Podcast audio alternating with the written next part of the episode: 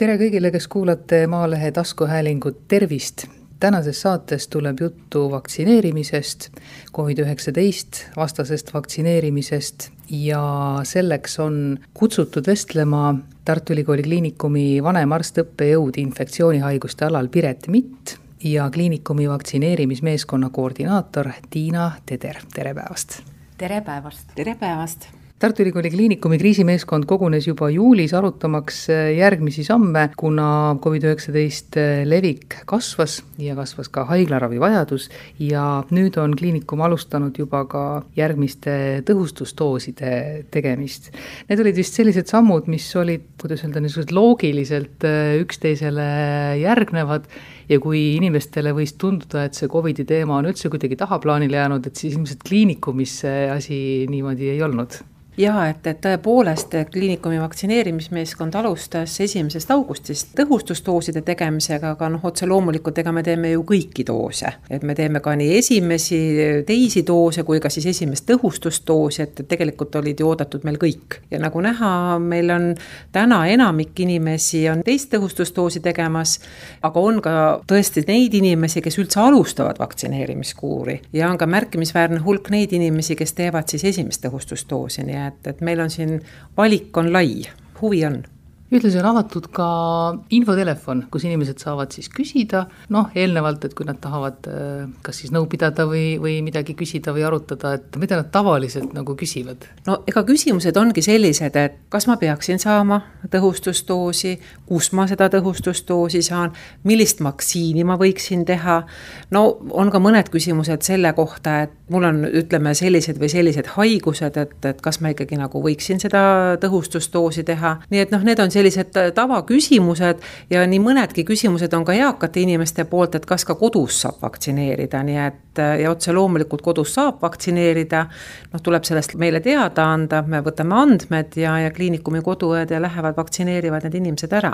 no me räägime ikkagi siiski Tartu linnast ja Tartu linna noh, niisugusest ümbrusest, et noh, me ei räägi nagu üle kogu Eesti, et, et kui inimesed üle kogu Eesti soovivad kodus lasta vaktsineerida, siis on selleks infotelefon üks, kaks, neli, seitse et nad peavad sinna teada andma ja siis vastavad äh, inimesed juba annavad selle teate edasi piirkondadele, et, et kuhu piirkonda see inimene kuulub. ma ütleks niimoodi, et see infotelefon on väga populaarne ja, ja, ja nii kui see kell neli algab, nii inimesed äh, kohe ka helistavad, nii et mis näitab, et see on ikkagi vajalik ja kas on ka selles mõttes näha mingit muutust, et inimeste küsimused on äh, kuidagi teadlikumad või et neil endal on mingisugune teadmine ja seisukoht? Teate, ma pean tõesti ütlema seda, et need inimesed, kes helistavad, nad pigem ikkagi tahavad vaktsineerida, aga nendel on lihtsalt kas siis natukene korraldusliku poole pealt mõni selline noh, nagu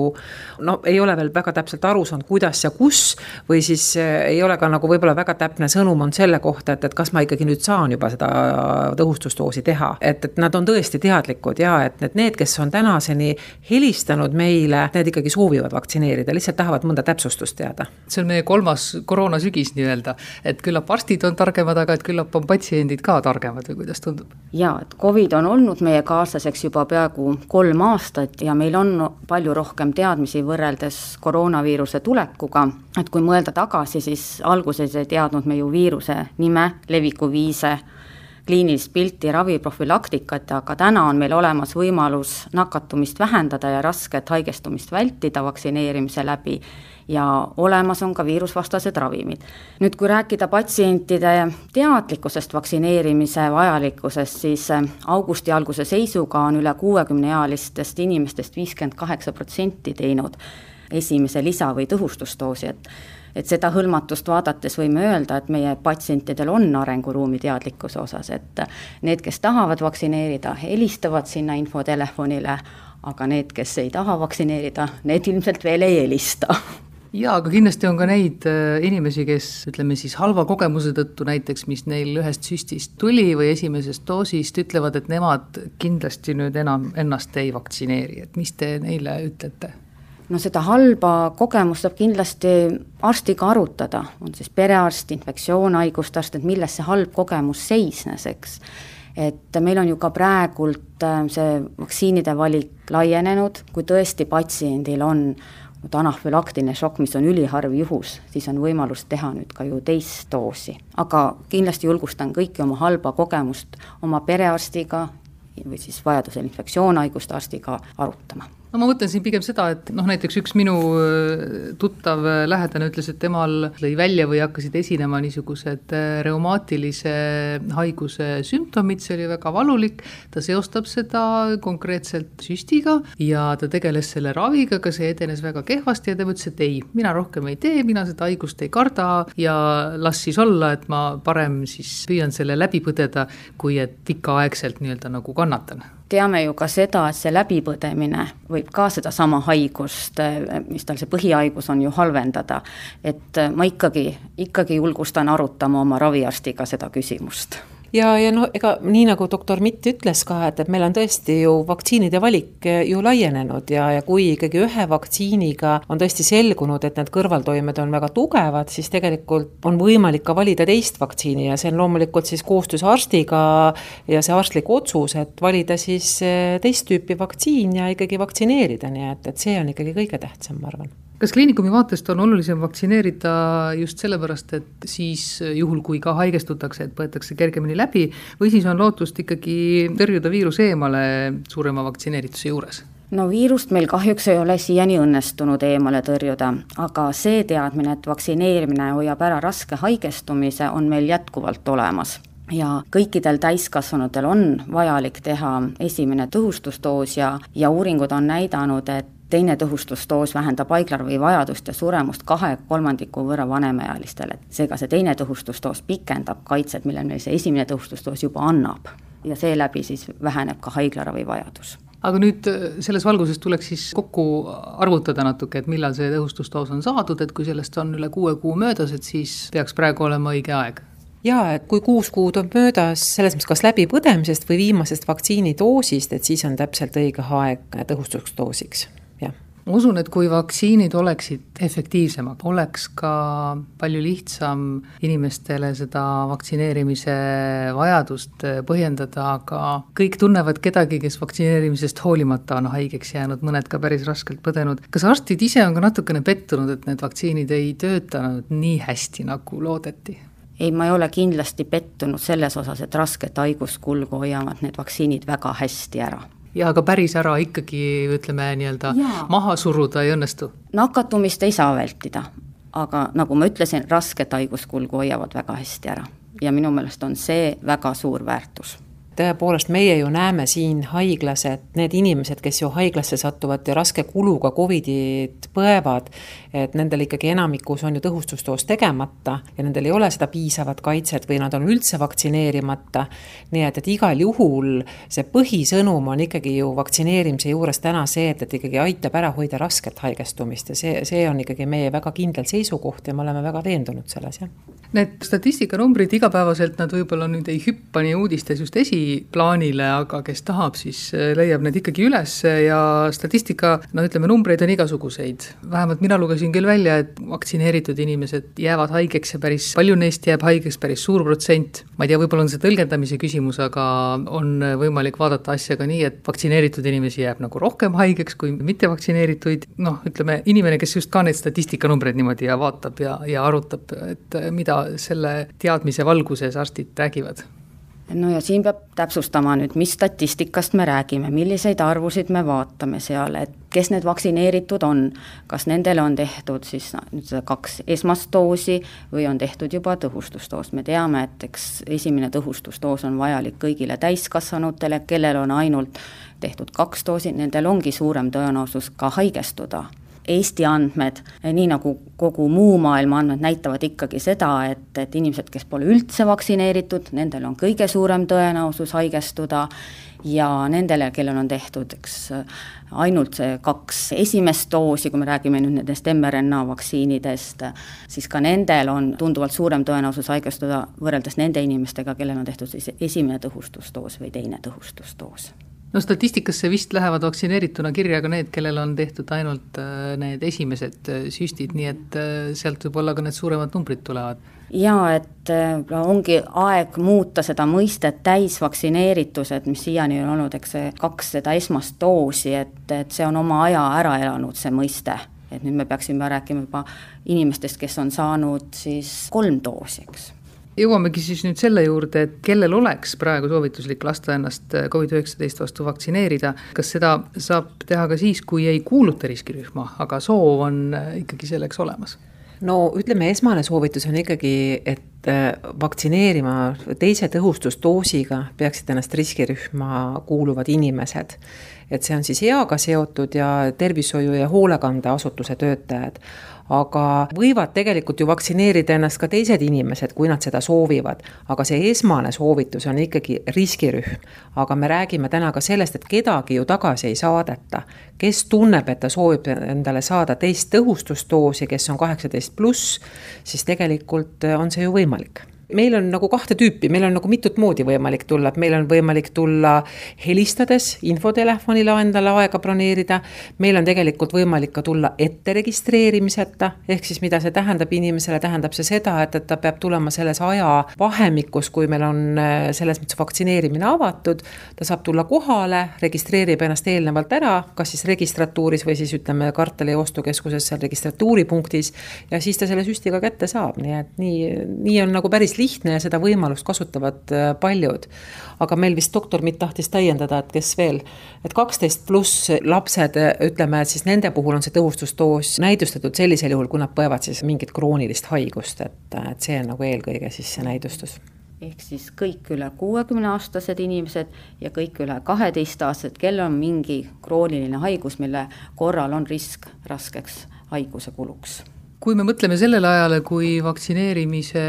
jaoks oli kohti, suured telgid olid püsti pannud ja nii, mis te ise arvate, et kas see aeg meil on ka lähiajal ees uuesti ootamas või pigem saab sellest niisugune ka rutiinne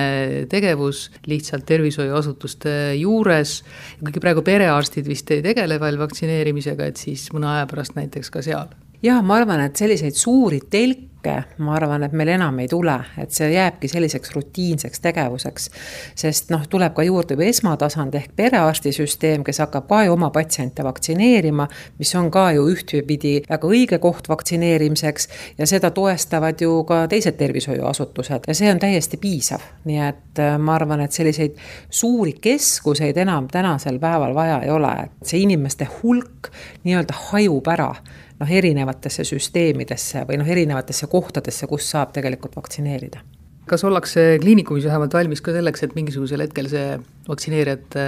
hulk, soovijate hulk läheb nii suureks, et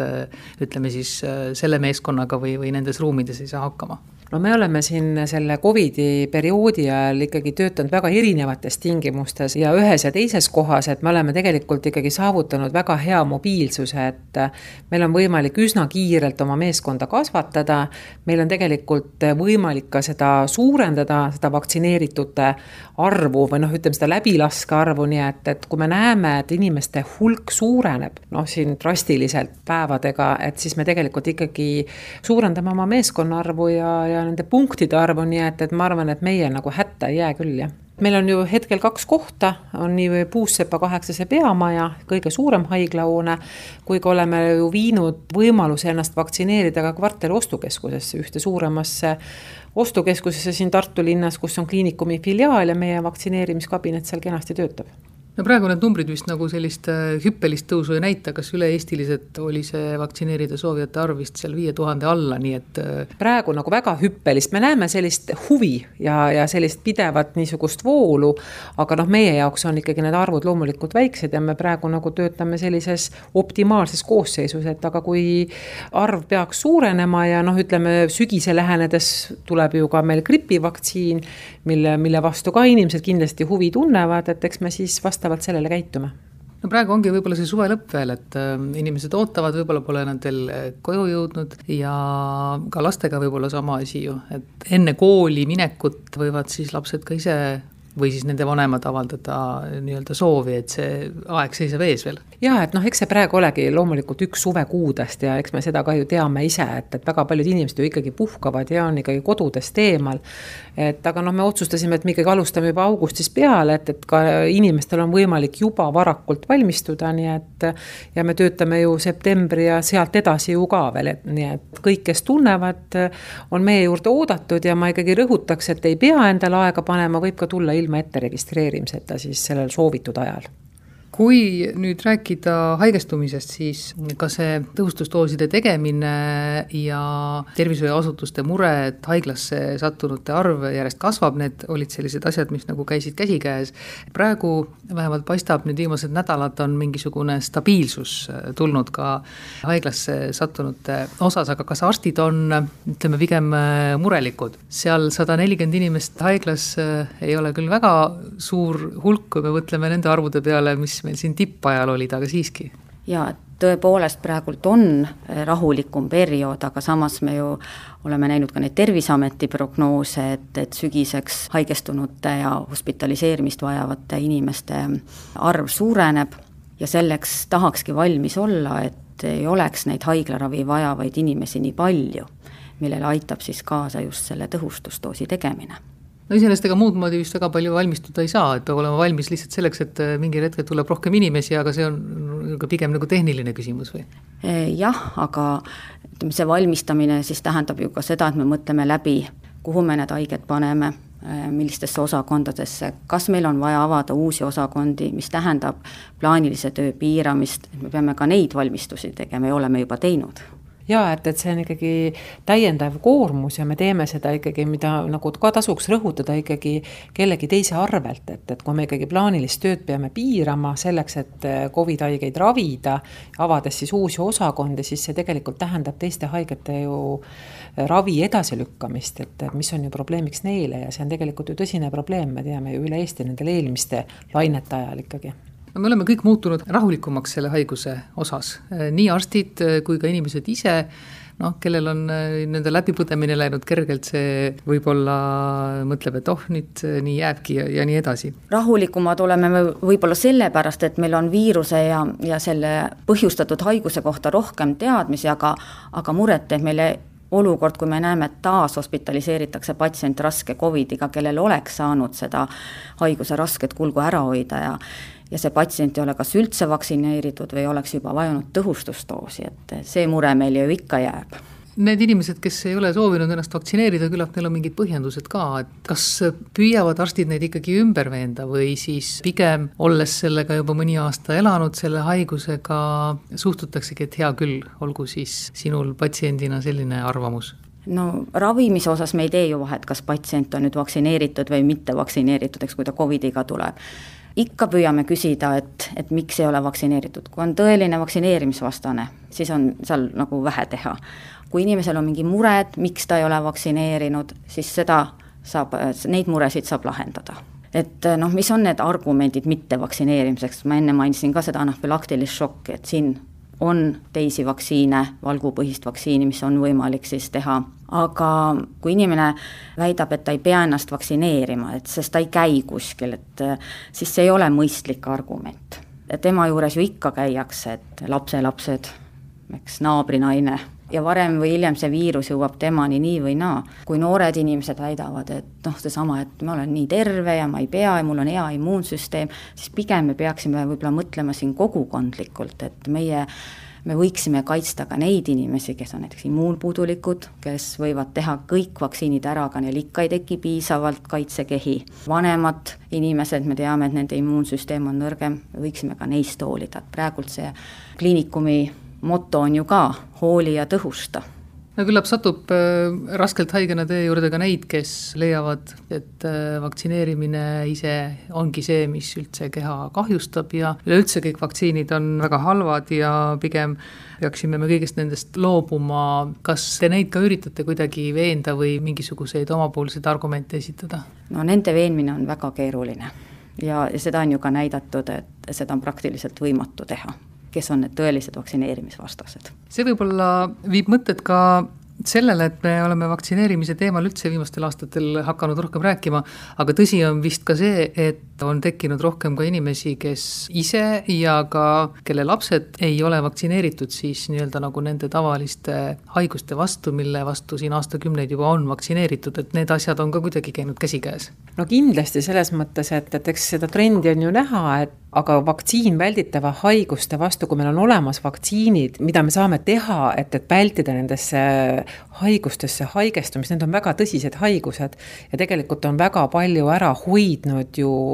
inimeste suremist, et see on nagu tegelikult tõsine probleem ja, ja, ja need on ohutud, vaktsiinid on ju ohutud, me tegelikult ei tee ühtegi vaktsiini sellist, mis, mis oleks põhjalikku uurimist läbi teinud, kõik on väga kontrollitud, kogu see süsteem, et see pigem on ikkagi niisugune tõenäoliselt sellised mingid teistsugused teooriad äh, nendel inimestel üldse kogu sellest elust ja elus olemisest, nii et, et noh, see nii nagu doktor Mitt ütles ka, neid on keeruline veenda, aga no meie kindel seisukoht on, et kui on olemas vaktsiinid, et siis neid tegelikult tuleb teha ja need on tegelikult ohutud. Aga me võime jõuda mingisugusel hetkel sellise olukorrani, kus paljud haigused, mida ei ole enam pikalt esinenud, äh, lihtsalt hakkavad sagedamini esinema lastel, täiskasvanutel, kõigil no absoluutselt, et kui meil see vaktsineerituse protsent langeb, noh, kui me räägime ka ju lastest, eks ole, siis tegelikult ikkagi haigestumise risk tõuseb selles mõttes ja need haigused hakkavad uuesti levima ja need on väga tõsised haigused, et ja väga paljudel juhtudel võib-olla ei ole ka võimalik, kui see laps või keegi haigestub, ei ole ka võimalik teda tegelikult enam päästa, et aga ära oleks kindlasti saanud hoida seda ilmselt ei jõua me kunagi sinnamaani, et hakatakse sunniviisiliselt vaktsineerima, vähemalt mitte demokraatlikus ühiskonnas, nii et see on selline asi, mis siis tuleb lihtsalt kas siis läbi teha, üle elada või siis õppida elama niisuguses maailmas jälle? No inimeste seisukohti ongi erinevaid ja me elamegi tegelikult noh, ühtepidi ju demokraatlikus noh, riigis või ühiskonnas, et, et tegelikult inimestel on väga erinevaid arvamusi, et, et noh, eks meil tervishoiutöötajatena loomulikult mõned seisukohad teevad ju muret ja, ja ega see meie roll oli, on ja jääbki selliseks, et me püüame inimestele anda tõenduspõhist infot, nendega vestelda, nendega arutleda nende murede ja, ja, ja probleemide üle, et, et siis ka neid veenda seeläbi, nii et no see on meie roll, et, et aga sundida loomulikult meie ei saa, et, et me ja me ei ole ka seda meelt, et nüüd sundvaktsineerimise poolt, et loomulikult see on inimese ikkagi vaba tahe ja otsus aga võib-olla on selles osas muututud rahulikumaks ka Covidi osas, ma pean ise küll ütlema, et kui mõned lähedased, kes on noh, tõesti öelnud, et nad ei soovi seda enam teha, et nad ei tundnud vaktsineerimise järel ennast hästi, ma pean ütlema, ma tunnen ennast rahulikumalt, võib-olla kui ma aasta tagasi olin kindlalt veendunud, et nad peaksid siiski ennast vaktsineerima, et see on võib-olla selline psühholoogiline efekt pigem või? Ma arvan, et rahulikumana küll, et, et tegelikult no praegu on ju suvi ja päike paistab ja inimestel on puhkused ja, ja noh, ega meil on olnud ikkagi haigestumine ju väga madal noh, ütleme siiani, no nüüd on ta ikkagi näitab ju tõusutrend ja, ja, ja tegelikult me näeme ka seda hospitaliseeritud arvu, inimeste arvu tõusu. ja ka Terviseamet on ju vastavad prognoosid teinud, et eks see selline päike ja vesi ja tuul ja puhkus hajutavadki inimeste sellist võib-olla val-, valvesolekut, et aga see ei tähenda midagi, et ega siis nii nagu riik on öelnud, Covid ei maga eks ole, et, et koroona ei puhka suvel, et, et ka tema levib edasi ja tegelikult praegu on õige hetk selleks valmistuda vaktsineerimise näol Teie sõnum on siis kindlalt see, et tõhustusdooside tegemine aitab kas kergemini põdeda või hoiab üldse viiruse eemal ja kui me oleme praegu rääkinud siin Tartu Ülikooli Kliinikumi tegudest, siis tegelikult on samamoodi valmistutud selleks ju üle Eesti ja tuleb leida lihtsalt selline lähem koht, kus tõhustusdoosi teha ja siis minna kohale ja see lihtsalt ära teha. Täpselt nii, kõik on kokku võetud selles lauses, et vaktsineerimine hoiab ära raske haigestumise, vähendab nakatumist, meie haiglaravi vajadus väheneb seeläbi ja meil on kergem sellele sügisele vastu minna ja meie oleme teinud kõik selleks, et inimestel oleks mugav tulla ja lasta ennast ära vaktsineerida, et oleme leidnud nagu igapäevaselt nii päevase aja puussepa kaheksas vaktsineerimiseks peamajas, kui ka siis oleme läinud ju kvartaliostukeskusesse siin Tartus, kus saab ka ja mõlemasse kohta saab tulla ilma ette registreerimiseta. aga kui inimene tunneb, et ta tahab ennast ette registreerida kindlale ajale, loomulikult ka see on võimalik, et kõik võimalused on tehtud aitäh, Tiina Teder, aitäh, doktor Piret Mitt, loodetavasti sõnum levib ja inimesed teevad omaenda tervise osas õigeid otsuseid